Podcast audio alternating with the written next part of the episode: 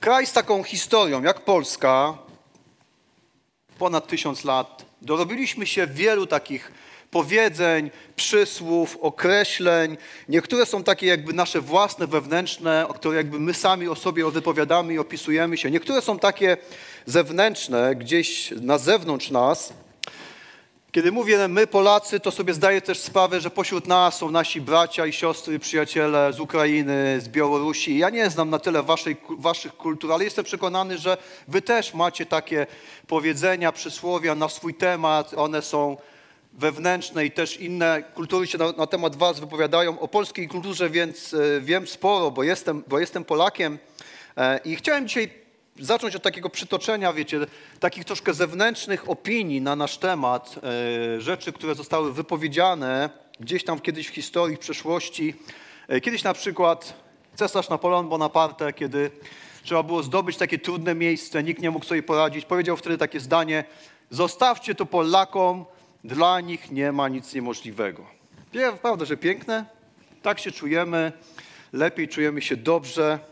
No ale pójdźmy w drugą stronę. Inny znany polityk powiedział kiedyś: Dajcie Polakom rządzić, sami się wykończą. To to już taka bardziej gorzka pigułka na nasz temat. I żeby tak może jakoś, to był, to był, e, to był Otto Bismarck, a teraz, żeby tak może troszkę wylądować, to Winston Churchill powiedział, niewiele jest zalet, których Polacy by nie mieli i niewiele jest też wad, których umieliby się ustrzec. A więc on jakoś tak, powiem, wylądował i my oczywiście wiemy, że to są stwierdzenia z przeszłości, one są subiektywne i tak dalej, ale z drugiej strony one coś, a może nawet, a może nawet całkiem dużo mówią nam, na, nas temat, na nasz temat. I kiedy my się stykamy z ludźmi z innych krajów, z innych kultur, to najczęściej, wiecie, działa taki mechanizm, ci ludzie coś o nas słyszeli, a my słyszeliśmy coś o nich. No i potem poprzez tą interakcję okazuje się, że czy sprawdzamy, czy to, co słyszeliśmy na temat tamtych ludzi, czy to, co słyszeli oni na nasz temat, czy to się potwierdza, no Ludzie mówią, że oni są tacy i oni tacy rzeczywiście są. Czy może to jest takie jeszcze, jakby okazuje się, że jest gorzej niż myśleliśmy? Czy może to jest takie, czy może to jest taka miła, pozytywne zaskoczenie? Więc chciałbym, żebyśmy dzisiaj troszkę też pomyśleli, co się dzieje, kiedy, kiedy ludzie stykają się z nami, z Tobą i ze mną, i kiedy wiedzą, że, że Ty i ja jesteśmy chrześcijanami. Czy to, co ludzie wiedzą czy myślą na temat chrześcijaństwa i Kościoła, kiedy stykają się z Tobą i ze mną, jest ta interakcja życia, to jest potwierdzenie tego, co oni wiedzą? Czy to jest takie może niemiłe rozczarowanie? Czy może, może Ty i ja jesteśmy takim pozytywnym zaskoczeniem dla nich? Że to, co oni słyszeli, myśleli na temat chrześcijaństwa i Kościoła, poznali Ciebie, okazuje się, że to się kompletnie nie sprawdza że chrześcijanie są inni niż oni myśleli. Wiecie, kiedy my w życiu podejmujemy decyzję, że wybieramy iść za drogę za Chrystusem, dochodzi do niezwykłej zmiany w naszym życiu. Po pierwsze, zmienia się nasza pozycja przed Bogiem. W Chrystusie stajemy się bliscy Bogu, ale też, ale stajemy się też bliscy sobie nawzajem. I w Chrystusie nie tylko się zmienia nasza tożsamość, ale ona wychodzi na pierwszy plan. A więc, jako ci, którzy naśladują Chrystusa, bez względu na swoją przeszłość, kulturę, preferencje, nasze korzenie, na to wszystko, w czym się wychowaliśmy, zaczynamy tworzyć coś kompletnie nowego. A my mówiliśmy o tym dużo tydzień temu. Stajemy się częścią Bożego Królestwa i tworzymy tą kulturę Bożego Królestwa, po prostu wprowadzając w życie te wartości, których uczył nas Jezus. My ostatnio wielokrotnie w gronie pastorów starszych zadawaliśmy sobie to pytanie, na ile kultura społeczności chrześcijańskiej puławska, czyli to, jacy my jesteśmy, jak myślimy, jak żyjemy, jak rozmawiamy, jak działamy, jak traktujemy siebie w kościele i siebie nawzajem poza kościołem, na ile to wszystko wyraża to, co uczy Pan Jezus, a na ile czy jak bardzo to jest przesiągnięte naszą grzesznością, czy takim też pozwoleniem, żeby te inne wartości jakby wychodziły przed naszą tożsamość w Chrystusie. I my nie tylko zadawaliśmy sobie to pytanie, ale też postanowiliśmy wybrać kilka kluczowych wartości, o których chcemy mówić, rozmawiać, ale coś więcej, o które chcemy wspólnie, jako wspólnota, jako Kościół, wspólnie zawalczyć. W jaki sposób? Modląc się, rozmawiając, pozbywając się albo dodając to, co konieczne, żeby tworzyć taką zdrową kulturę opartą na Ewangelii. Myślę, że każdy z nas chce być postrzegany dobrze przez inne osoby, przez naszych bliskich, przyjaciół, znajomych, współpracowników. Tylko oczywiście pytanie jest, co to jest to dobrze postrzeganym być? No moglibyśmy rozmawiać, to jest mnóstwo. Chcę być postrzegany jako osoba fajna, inteligentna, uczciwa, zaradna. Dla młodych ludzi taki spoks, dojrzała, mądra, pracowita, wykształcona, stabilna i tak dalej. A jak chcemy być postrzegani jako, jako Jego uczniowie? Co chcemy, żeby ludzie usłyszeli, zobaczyli, a przede wszystkim doświadczyli poprzez tą interakcję z nami? I myślę, że kiedy pada takie pytanie, co my chcemy, skoro jesteśmy uczniami Jezusa, to nasza odpowiedź będzie jasna. Co? My chcemy tego samego, co Jezus uważa za najważniejsze. My chcemy tego samego, co, co Jezus podkreśla. A co jest najważniejsze Jego zdaniem? Zapraszam, otwórzmy Ewangelię Marka, rozdział 12. Otwórzmy nasze Biblię, otwórzmy aplikacje telefoniczne, biblijne, jeśli nie mamy papierowej Biblii i posłuchajmy znanych tych słów. Rozdział 12 czytamy. Wtedy podszedł do nich jeden ze znawców prawa, który usłyszał, jak ze sobą rozprawiali. Gdy zauważył, że Jezus trafnie im odpowiedział, zapytał go, które przykazanie jest najważniejsze ze wszystkich. Jezus oświadczył, najważniejsze z przykazań jest to, słuchaj Izraelu, Pan Bóg nasz jest jeden. Masz zatem kochać Pana, swojego Boga, całym swoim sercem, z całej swojej duszy, każdą swoją myślą i ze wszystkich swych sił. Czy kiedy czytamy tę historię, to wiemy, że ten, który zadaje to pytanie Jezusowi, należał do największej, najbardziej znaczącej w czasach Jezusa religijnej grupy, jaką byli faryzeusze.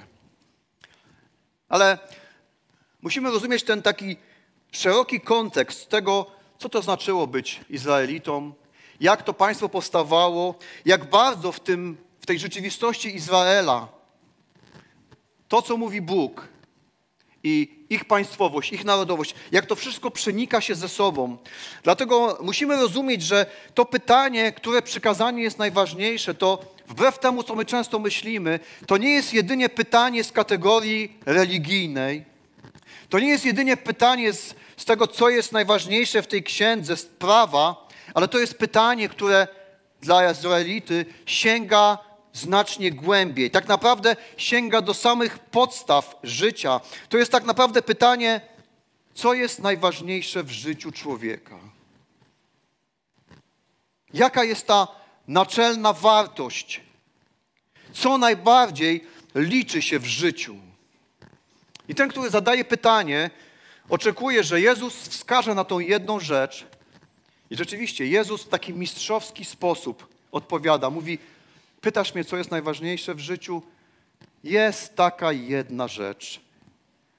Masz kochać Pana, swojego Boga. To jest najważniejsze, co człowiek ma w życiu do zrobienia. Kochać Boga. To jest największa wartość człowieczeństwa. Oczywiście nie każdy musi się z tym zgadzać. Nie każdy musi chcieć tak żyć. Ale dla nas, uczniów Chrystusa, to jest kluczowa kwestia. Dla nas to jest wskazówka, że mamy budować Kościół, który podkreśla i żyje tą wartością, bo Jezus mówi, to jest, słuchajcie, absolutnie najważniejsze.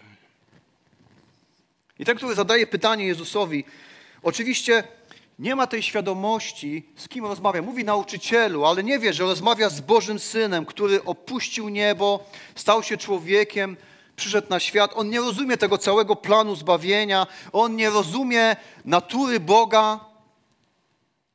On nie rozumie tego, że za chwilę powstanie Kościół. On nie rozumie tych wszystkich jakby zależności. Tego, co Jezus tak wielokrotnie mówił o sobie. Posłuchajcie Ewangelia Jana, rozdział 14. Jeśli darzycie mnie miłością, będziecie wypełniać moje przykazania. Ja natomiast będę prosił Ojca i On da wam innego opiekuna, aby był z wami na wieki. Ducha prawdy, którego świat nie może przyjąć, bo go nie widzi ani nie zna. Wy go znacie, ponieważ trwa przy was i będzie w was. Nie zostawię was sierotami, przyjdę do was. Jeszcze chwila, a świat nie będzie już mnie oglądał, lecz wy mnie oglądać będziecie, bo ja żyję i wy będziecie żyli. W tym dniu wy sami poznacie, że ja jestem w moim Ojcu i wy we mnie, a ja w was. Ten, kto zna moje przykazania i wypełnia je, jest człowiekiem, który mnie kocha. Tego z kolei, który mnie kocha, miłością otoczy mój Ojciec i ja będę go kochał i objawię mu samego siebie. Wiecie, ten, który pyta Jezusa jakby, no nie jest tego świadomy tego wszystkiego, co tu Jezus mówi, to jest jedna z jego wypowiedzi, takich zwięzłych, która opisuje naturę Boga, który się objawia w osobie Ojca, Syna i Ducha, Boży plan zbawienia. Dlatego, kiedy wiecie, my sobie zadawaliśmy to pytanie o kulturę naszego Kościoła, pomyśleliśmy, że żeby tą wartość, o której Jezus mówi, kochanie Boga, opisać w taki sposób zrozumiały i praktyczny, zrobiliśmy to w taki bardzo prosty sposób. Posłuchajcie, kochamy Boga i Jego Słowo. Ale Wiecie, pod takim stwierdzeniem to wielu ludzi mogłoby się podpisać. Pod tym stwierdzeniem mogliby się podpisać wierzący Żydzi, wierzący muzułmanie. A więc opisaliśmy to dalej. Kochamy Boga i Jego Słowo. Dążymy do tego, by to, kim jesteśmy i co robimy, pokazywało, że Jezus jest dla nas najważniejszy. Jeśli to jest naczelna wartość kultury, jaką budujemy w naszej społeczności. Chodzi o to, żeby to, kim jesteśmy i jak żyjemy, pokazywało, że najważniejszy w naszym życiu jest Pan Jezus.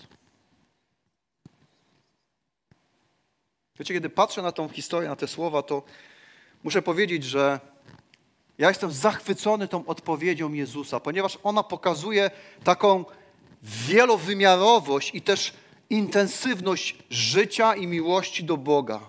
Powiem więcej, czytam tę odpowiedź i wiecie, jestem podekscytowany tym, do jakiego życia, do jakiej relacji Bóg zaprasza Ciebie i mnie. Bo wymieniając te różne sfery naszego życia, serce, duszę, umysł i nasze ciało, za każdym razem jakby Jezus dodaje takie ważne określenie, ważne dopełnienia i mówi: kochaj Boga całym sercem. Kochaj Boga całą duszą. Ze wszystkich sił i każdą myślą. Jakby Pan Bóg mówi do nas: kochaj mnie w pełni, na maksa, na 100%. Kiedy słyszysz te słowa, jakie myśli one rodzą w tobie? I teraz słuchajcie, zatrzymajmy się. Słyszysz te słowa, kochaj Boga całym sercem, duszą, ze wszystkich sił, całym umysłem. Jakie myśli rodzą się w twojej, w twojej głowie? Zatrzymujemy się, a ty teraz, co jest w twojej głowie? Jaka myśl się pojawia? Trzymaj to. I kiedy słyszysz te słowa, kochaj Boga całym sercem, duszą, umysłem, ciałem. Jakie emocje się rodzą w tym momencie w tobie? I znowu zatrzymajmy się, złapmy te emocje. Jakie emocje, jakie, jakie uczucia, jakie pragnienia się rodzą? Mamy to? Wiecie, kiedy ja czytam i rozważam te słowa, jestem podekscytowany, ponieważ widzę, że Bóg zaprasza mnie do czegoś, co poruszy każdą sferę mojego życia moje emocje, moje myśli, rzeczy te, można powiedzieć, fizyczne, niefizyczne, materialne, niematerialne. Widzę, że Bóg zaprasza mnie do czegoś, co jest głębokie, co jest piękne, co jest dobre, co jest praktyczne. Widzę, że Bóg zaprasza mnie do czegoś, co uczyni moje życie wyjątkowym, co mu nada niezwykłej wartości.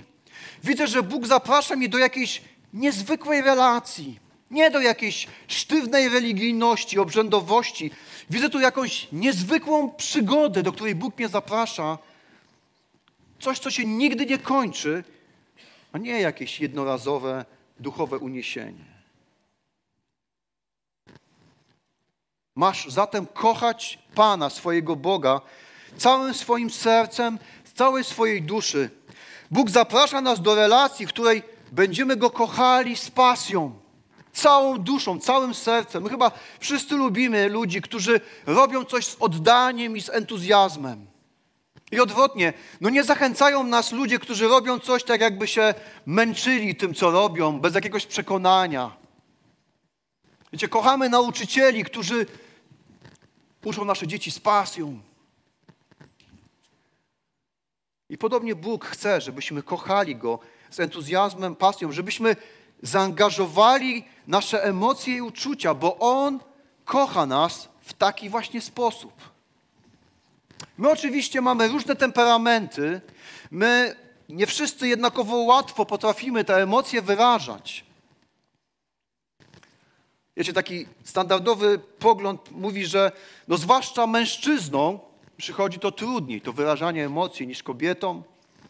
Ja się z tym zgadzam, chociaż wiecie, nigdy nie mogę zrozumieć tego, tego przełożenia, że w pewnych okolicznościach postawimy tego samego mężczyznę i kiedy to jest na przykład centrum handlowe i on jest na zakupach z żoną, a może na przykład kościół, to jakoś ciężko te emocje wydobyć, ale jak tego samego faceta postawimy na trybunie, nie wiem, meczu piłkarskiego albo siatkówki, albo go posadzimy za nową hybrydą, to okazuje się, że wcale nie jest tak trudno, żeby te emocje eksplodowały. Ale rzeczywiście, czasami jest nam te emocje trudno wyrazić, ale bez względu na to, czy przychodzi nam to łatwo, czy trudno wyrazić, prawda jest taka, że nasze emocje, nasze uczucia, one po prostu ujawniają, co jest dla nas ważne, co nam sprawia radość, dlaczego, do czego my tak naprawdę dążymy i dlaczego, i dlaczego do jakich spraw tak naprawdę żyjemy. Wiecie, nasza miłość do Boga bierze się stąd, że Bóg nas pierwszy pokochał. I kiedy my w swoim życiu doświadczamy tego osobistego spotkania z Chrystusem, zaczynamy w Niego wierzyć. Prosimy, aby On stał się dla nas najważniejszy, Panem naszego życia. Prosimy o przebaczenie grzechów, a On przez Ducha Świętego zamieszkuje w nas. To wtedy to osobiste nasze spotkanie, kiedy my jesteśmy w stanie porównać i powiedzieć: Wiem, jak wyglądało moje życie bez Chrystusa i wiem, jak ono wygląda z Chrystusem. To osobiste spotkanie, to osobiste doświadczenie staje się tym fundamentem, na którym się rodzą nasze emocje i uczucia wobec Boga, bez względu na to, jak my jesteśmy skonstruowani, jeśli chodzi o nasz temperament. Wiecie, My jako ludzie jesteśmy tak skonstruowani, że nie jesteśmy w stanie żyć nie pasjonując się czymś, czy nie żyjąc dla czegoś, czy kogoś większego niż my sami. I to, co budzi Twoje największe emocje, to, co sprawia, że moje i Twoje serce jakby mocniej bije, to coś, co jest takim wiatrem w żagle, to tak naprawdę pokazuje, co jest dla Ciebie i dla mnie ważne i dlaczego i dla kogo tak naprawdę żyjemy. Ale nie tylko to. To, w jaki sposób wydajemy nasze pieniądze, pokazuje, co jest dla nas najważniejsze. To, jak wygląda nasz kalendarz, rozkład dnia, tygodnia, miesiąca, pokazuje, co jest dla nas ważne, bo chociaż wiecie, my często mówimy, że och, na to nie mam czasu, na to nie mam czasu. Prawda jest taka, że my w rzeczywistości mamy czas na to, co jest dla nas ważne. Więc jeśli w tym naszym codziennym rozkładzie mamy czas, żeby oddawać cześć Bogu, modląc się, a może też słuchając czy śpiewając pieśni uwielbienia, mamy czas na rozmawianie z Nim, to pokazuje, że On jest dla nas ważny.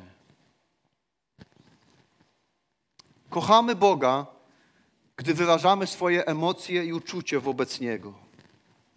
I kochani, to jest ta kultura, którą budujemy w naszym kościele. Kultura ludzi, którzy cenią wspólne uwielbienie i, i tylko czekają na tą okazję, kiedy my możemy się spotkać jako Kościół, żeby wspólnie śpiewać dla Niego pieśni i modlić się i robić to całym sercem i całą duszą. Wiecie, to jest ta kultura, którą budujemy. Kultura ludzi, którzy codziennie uwielbiają Boga w swoim życiu. I czynią to, wiecie, nie obowiązkiem, ale takim priorytetem w swoim życiu. Budujemy kulturę ludzi, którzy pilnują tego, żeby nikt i nic nie zajął tego centralnego miejsca w życiu, które należy się Jezusowi. Kulturę, gdzie walczymy o taką pasję w relacji z Chrystusem, gdzie się nie godzimy na taki duchowy marazm, jakąś byle jakość. Ale ponieważ Jezus mówi, kochaj Boga całym sercem i duszą, budujemy tą kulturę walki o codzienną, stałą, świeżą interakcję z Bogiem. Bo to jest dla nas największa wartość. Kochać Boga całym sercem i całą duszą. A dalej Jezus mówi: Masz zatem kochać Pana swojego Boga każdą swoją myślą. To znaczy, że Bóg zaprasza nas do relacji, w której będziemy kochali Go w przemyślany sposób, angażując nasz umysł. Bo Bóg nie chce ani bezmyślnie powtarzanych słów, ani bezmyślnie powtarzanych rytuałów, ale Bóg chce, żeby nasz umysł był skupiony na Nim. Bo wiara nie jest taką, wiecie, ślepą, bezrefleksyjną czy antyintelektualną reakcją na Boga. Ale Bóg chce, żebyśmy skoncentrowali nasz umysł na Jego osobie. On dobrze wie, że tak wiele spraw każdego dnia domaga się mojej Twojej uwagi. Jesteśmy bombardowani informacjami, rzeczami do zrobienia, decyzjami do podjęcia, sprawami, które trzeba poznać. Wiecie, i czasami, chociaż zdajemy sobie sprawę, tak jesteśmy w tym wszystkim zagonieni, że żyjemy w ogromnym zamieszaniu. A Bóg, mimo tego, że zajmuje się całym wszechświatem, jakby nieustannie jest skoncentrowany na nas, jakby nigdy nie spuszcza nas oczu, nie przestaje o nas myśleć. Bo wielkim wyrazem miłości jest właśnie poświęcenie takiej świadomej uwagi. Wiecie, my najlepiej poznajemy Boga poprzez Jego Słowo. Ludzki umysł jest takim fenomenem, że nie tylko potrafi sobie przyswoić informacje o Bogu, ale też umysł sprawia, że my poznajemy Boga. To jest niezwykła tajemnica, wiecie, kiedy my czytamy Boże Słowo, kiedy nad nim rozmyślamy, kiedy podejmujemy decyzję, że będziemy wierzyć w to, co mówi Bóg i będziemy żyć zgodnie z Bożym Słowem, to my wtedy nie tylko zdobywamy informacje i mądrość, jak żyć, ale my też poznajemy w ten sposób i doświadczamy obecności i realności Boga. Poprzez swoje słowo Bóg pociesza, buduje, czasami upomina, mówi o swojej miłości. Wiecie, dla tych, którzy w niedzielę tutaj stoją troszeczkę z przodu przed nami, którzy współtworzą nabożeństwo, to, jak to mówimy często, posługiwanie, to jest niezwykłe przeżycie. Wiecie, to jest taka mieszanka, czasami jest trochę stresu, ale przede wszystkim to jest taka mieszanka pragnienia, żeby to, co robię, podobało się Bogu, oddawało Mu chwałę, ale też takie poczucie odpowiedzialności, że nie stoję tutaj tylko dla siebie, ale moją rolą jest pomóc Kościołowi, nam wszystkim, iść bardziej w stronę Boga. I to, wiecie, to przeżycie jest ogromnym błogosławieństwem, ale też jest wyczerpujące. I nie wiem, czy zdajecie sobie sprawę z tego, że dla ludzi, którzy tutaj tak publicznie posługują, to poniedziałek to jest często taki trudny dzień. A psycholodzy mówią o takim emocjonalnym zjeździe i tak dalej. Ale nawet badania pokazują, że często najwięcej pastorów rezygnuje ze swojej służby w poniedziałek. I muszę Wam się przyznać, że właśnie dość w tym stylu był mój ostatni poniedziałek tygodniu, który się właśnie skończył. A jak dodatkowo jeszcze wiecie, przeczytałem wiadomości o tym, co się dzieje w Izraelu, co się nadal kotłuje na Ukrainie. Wiecie, i myślałem o tej całej atmosferze i napięciu, które towarzyszy nam w tym tygodniu, też przedwyborczym i nie tylko. To muszę Wam powiedzieć i przyznać się, że taki współczynnik sensowności tego, co ja robię i miejsca, w którym jestem, był wyjątkowo niski. Ale przez te lata chodzenia z Bogiem nauczyłem się jednej rzeczy, żeby, wiecie, w takich chwilach sięgać po Jego Słowo. Więc sięgnąłem po Biblię i zacząłem czytać Psalm 94. Przeczytałem słowa o, gdyby Pan nie był mi pomocą. Moja dusza już dawno byłaby w krainie milczenia. Kiedy pomyślałem, zachwiała się moja stopa, Twoja łaska, Panie, była mi oparciem. W chwilach moich licznych niepokojów Twoje pociechy podnoszą mnie na duszę. Wiecie, ja nie potrafię tego racjonalnie wyjaśnić, ale czytałem te słowa i, i miałem takie wrażenie, że, że Bóg siedzi obok mnie. I oczywiście tego nie czułem fizycznie, ale miałem takie wrażenie, jakby tak po prostu po męsku mnie tak przytulił, uściskał. Nie potrafię tego racjonalnie wytłumaczyć, wiecie, ale te słowa to był taki niezwykły ładunek nadziei, wdzięczności, miłości do Boga, takiego przekonania, żeby dalej wiernie robić to, do czego Bóg mnie powołuje. I kochani, tak właśnie działa Boże Słowo. Kochamy Boga, gdy nasz umysł jest skupiony na tym, by Go poznawać.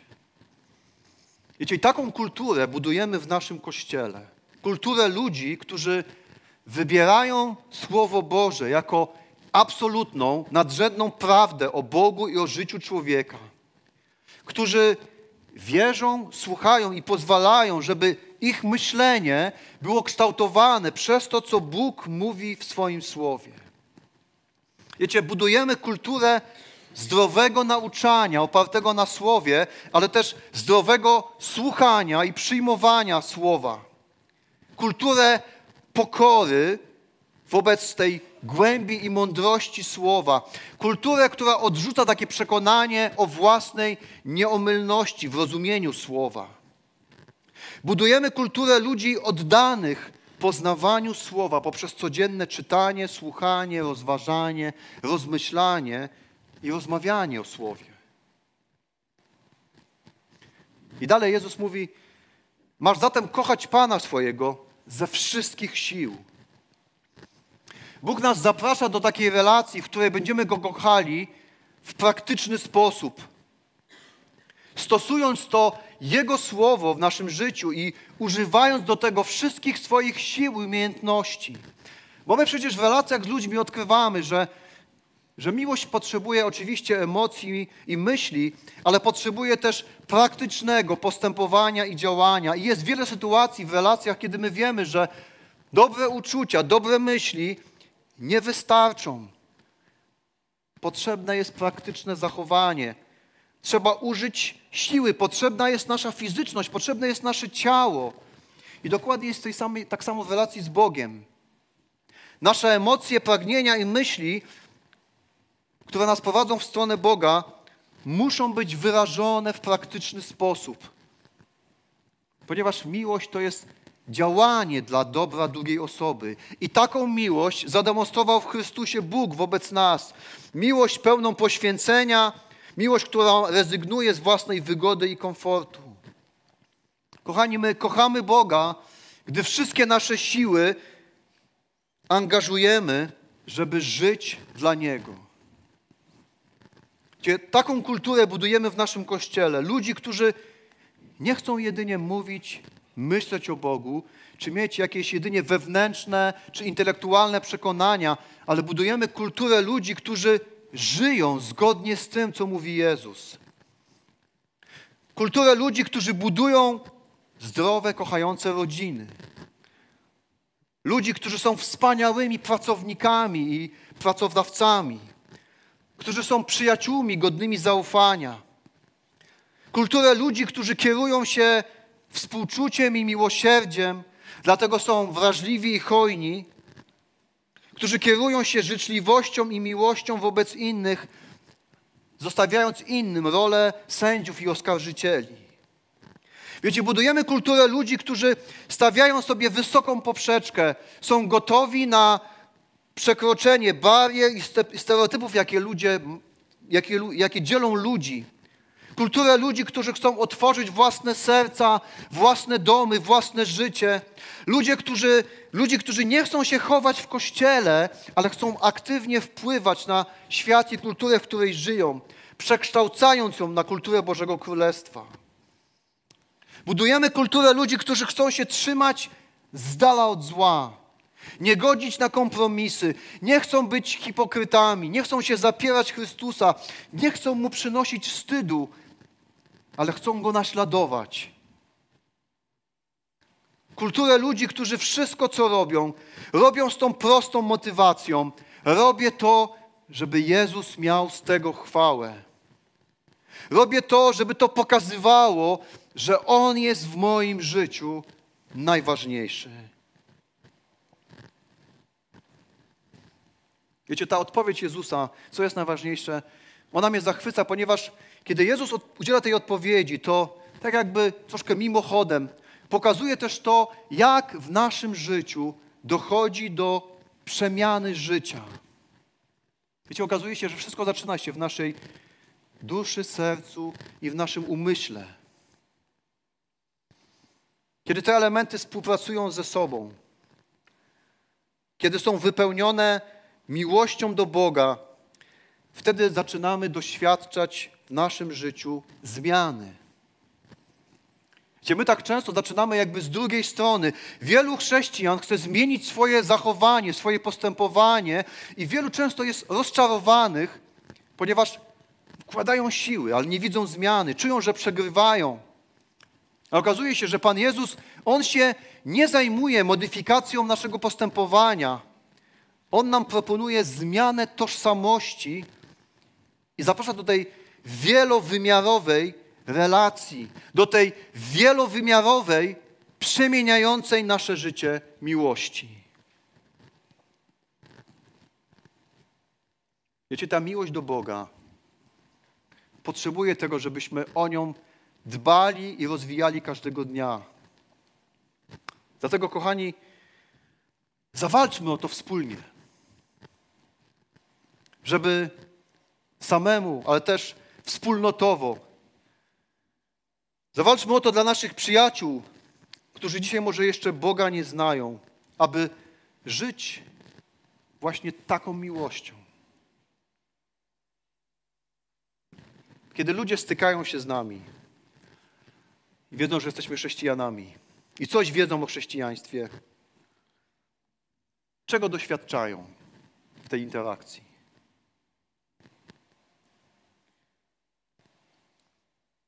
Co chciałbyś, co chciałaby być, żeby było widoczne w Twoim życiu? Zawalczmy wspólnie. Zawalczmy o zdrową, opartą na Ewangelii kulturę Kościoła. Kochamy Boga i Jego Słowo. Dążymy do tego, by to, kim jesteśmy i co robimy, pokazywało, że Jezus jest dla nas najważniejszy.